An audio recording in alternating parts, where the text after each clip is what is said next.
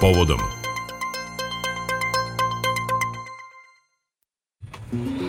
Nizom vrhunskih izložbi tokom 2022. godine Galerija Matice Srpske obeležila je godinu u kojoj slavi jubilej, a to je 175 godina od osnivanja, ali i godinu u kojoj je Novi Sad nosio titulu kulturne prestonice Evrope. najstarija srpska riznica dobila je povodom godišnjice i monografiju, čiji dodatak posebno raduje publiku i nas medije.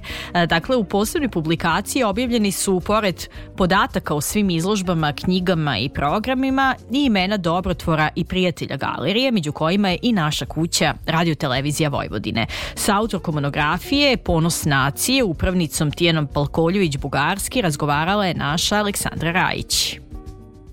Galerija Matice Srpske ustanova od velikog kulturnog, umetničkog, istorijskog značaja e, za našu kulturu obeležila je u 2022. 175 godina postojanja ta godišnjica još traje, zapravo celu e, godinu do sledećeg septembra e, i za tih 175 godina, rekla bih, e, zadržala je u tom vremenu autentičnost, a istovremeno odgovarala na pitanja i istorije i trenutka. Danas je, eto, svedećemo to u programima, u vašim izložbama, jedna moderna galerija, Na čemu se to danas temelji? Kako se postiže zapravo simetrija između tog istorijskog značaja i tog savremenog? To jeste uvek najteže pitanje kako pronaći svoju autentičnost i posebnost u ovom vremenu u kome živimo, u kome i u privatnom i u javnom i u poslovnom životu sve nekako počne da liči jedno na drugo i postane vrlo slično kao e, sve u epohi globalizma. Mi jesmo drugačije ustanova, drugačije zbog toga što nas je osnovala grupa građana još 1847. godine, zbog toga što smo zbog te kompleksne istorije i činjenice da smo osnovani u Budimpešti, pa se preselili u Novi Sad, pa živeli u različitim državama, odnosno delovali u različitim državama, zaista dovela do toga da smo se stalno prilagođavali vremenu, na neki način društvenim prilikama, političkim uređenjima i da nije uvek bilo lako sačuvati ono što je u osnovnom nazivu ustanova to je Matice Srpske. Znači čim imate nacionalno u naslovu imate veliku odgovornost prema nacionalnom identitetu u vremenima koje nisu bila naklonjena nacionalnom, već naprotiv ujedinjenju, proširenju i drugim stvarima i čini mi se da su e, čelnici Matice Srpske bili zaista veoma spretni u tome da uvek nađu model, da uvek nađu put, da sačuvaju identitet ustanove, da sačuvaju osnovne postulate, a da nekako ostanu jedinstveni i posebni i što je najvažnije da uvek budu svetionici koji ne osvetljavaju samo prošlost, već osvetljavaju budućnost. I na tim temeljima i mi danas zapravo uh, zasnivamo naš rad ili temeljimo sve ono što radimo, da se stalno osvrćemo iza sebe, da stalno ističemo sve ono dobro i kvalitetno što su uradili naši prethodnici, ali isto tako da e, slušajući savremeni trenutak i potrebe savremenog doba i društva i čoveka zapravo odreagujemo na najbolji način za budućnost. Ja Kad ste pomenuli načina na koji su vaši prethodnici i vaši, naši preci zapravo pokušavali da e, u turbulentnim vremenima održe ovu galeriju, odnosno smisao onoga što ovoga ustanova jeste.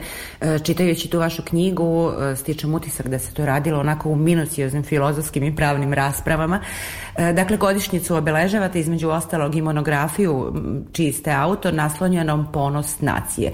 Jedna obimna knjiga, evo da kažem slušaocima sa više od 500 strana, puna sadržaja, dokumentacije, istorijskih priča, fotografija. Vaš recenzent Branko Bešlin kaže da nije bilo jednostavno sačiniti monografiju, monografsko izdanje o nečemu dugom gotovo e, dva veka. Šta su bili vaši motivi i šta su bili naravno izazovi? Motivi su bili pre svega kako predstaviti istorijat jedne ustanove i napisati biografiju ustanove. I kada sam, to je bila zapravo i teza mog doktorskog rada i na odbrani je upravo to istaknuto da je to biografija ustanove, ne monografija, jer i ustanove su kao živa bića, ona prolaze različite faze i nekako je bilo jako kompleksno sagledati prvo taj dug period, sagledati ono što su najznačajniji momenti, jer nisu svi momenti podjednako značajni u razvoju ustanove, istaći one pojedince koji zaista jesu ostavili dubok trag, one koji su postavili temelje istovremeno napisati jednu knjigu koja ne govori samo o prošlosti, već Eh, ima težnju da govori o budućnosti, odnosno da trasira dalji razvoj, da podsjeti naš, da kažem, nacija na to koliko je važno zalaganje pojedinca od Save Tekilije kao našeg prvog preko Uroša Predića, kome smo isto posvetili u ovoj godini jubilarnu izložbu,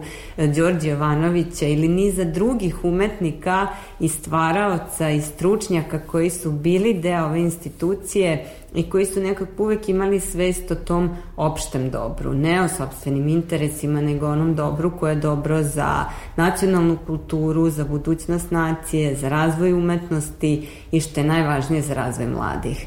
I ako krenemo od Save Tekilije koji je napravio Tekilijanum sa idejom da se školuju mlada srpčad u Budimun univerzitetu, mi se danas na svoj način bavimo i decom i mladima i pokušavamo da budemo mesto ne samo uživanja nego i edukacije različitih vrsta. Najveći deo vaše knjige posvećen je naravno onom vremenu od osamostaljenja Galerije Matice Srpske od muzeja i e, zapravo Matice Srpske, dakle posle rata, a kažete u knjizi da je tek uspostavljanjem Srbije e, kao države galerija e, pokazala pun svoj kapacitet jedne nacionalne galerije, jedne naučne ustanove, bitne kulturne naravno ustanove.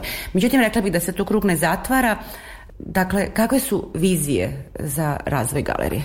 Mislim da smo onog momenta kada je Srbija postala Republika Srbije i postala samostalna država, prvi put Galerija Matice Srpske u svom nazivu imala isti identitet kao država u kojoj je nastala i zapravo stekla status nacionalne galerije. Mi to negde jesmo, s obzirom da imamo Narodni muzej u Beogradu kao najstariju i najkompleksniju nacionalnu ustanovu, ali mi smo nekako uvijek bili ti koji smo nacionalni identitet uh, čuvali i prezentovali i gradili kroz dela likovne umetnosti, što je posao jedne nacionalne galerije. I budućnost jeste upravo u tome kako zapravo e, na istovremeno ili paralelno i podjednako razvijati tu svest o vrednostima i na nacionalnom nivou, ali i na internacionalnom. I to je ono što smo mi radili proteklih godina, da upravo kroz likovnu umetnost pokažemo i svoje veze sa Evropom ili evropskim kontekstom u kome je ta umetnost nastajala, ali isto tako da dočaramo njima zbog čega smo mi posebni i osobeni i šta su to one vrednosti koje baštinimo mi i kao ustanova, ali i kao e, nacija. Naravno da moramo da se uh, osvrnemo, odnosno da pomenemo i projekat Evropske predstavnice kulture čiji ste deo bili i vi i uh, ustanova ova Galerija Matice Srpske. Trebalo bi Evropska predstavnica kulture da ostavi uh, kao tekovinu uh, nešto što prepoznajem kao iskustvo saradnje, komunikacije, uh, otvorenosti u više pravaca i između publike, autora, ustanova, između e, nekog društvenog i političkog ambijenta u kome ceo taj kulturni sistem e, funkcioniše. Kako vi vidite 2023. dakle godinu posle Evropske prestonice kulture?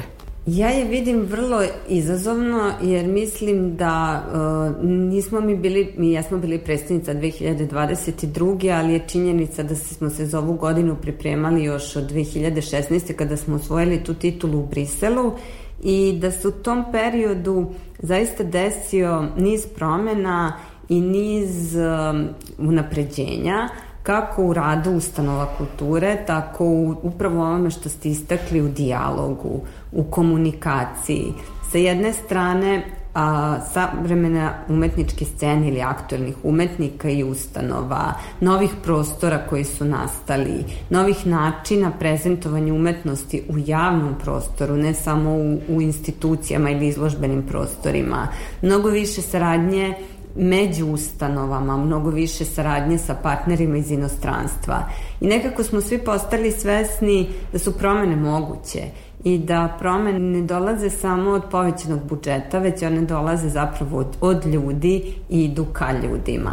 I da nikad više Novi Sad neće moći da ima istu ponudu kao što ima od ove godine iz prostog razloga što smo se u ovim pripremnim godinama, a posebno u 2022. godini pokazali kao grad visokih e, mogućnosti u realizaciji najrazličitijih kulturnih sadržaja, mislim podjednako i muzičkih i likovnih i e, izvođačkih i najrazličitijih i da smo podigli standarde publici, da nešto mi nismo više isti, nego publika nije ista. Publika će imati mnogo više očekivanja od nas i mi ćemo morati mnogo više da se trudimo i da radimo kako bi toj publici ponudili i u narednim godinama ono što su navikli odnosno ili onoga što smo im ponudili u 2022.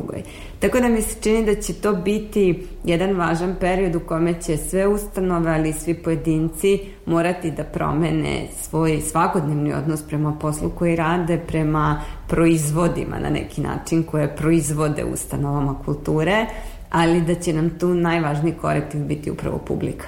Ja vam u 2023. E, želim puno dobrih izložbi, puno lepih zanimljivih programa, naravno mnogo publike i da proširite onaj spisak prijatelja koji ste u posebno jednoj publikaciji e, povodom 175. E, godišnjice galerije objavili. Najlepše znači, hvala.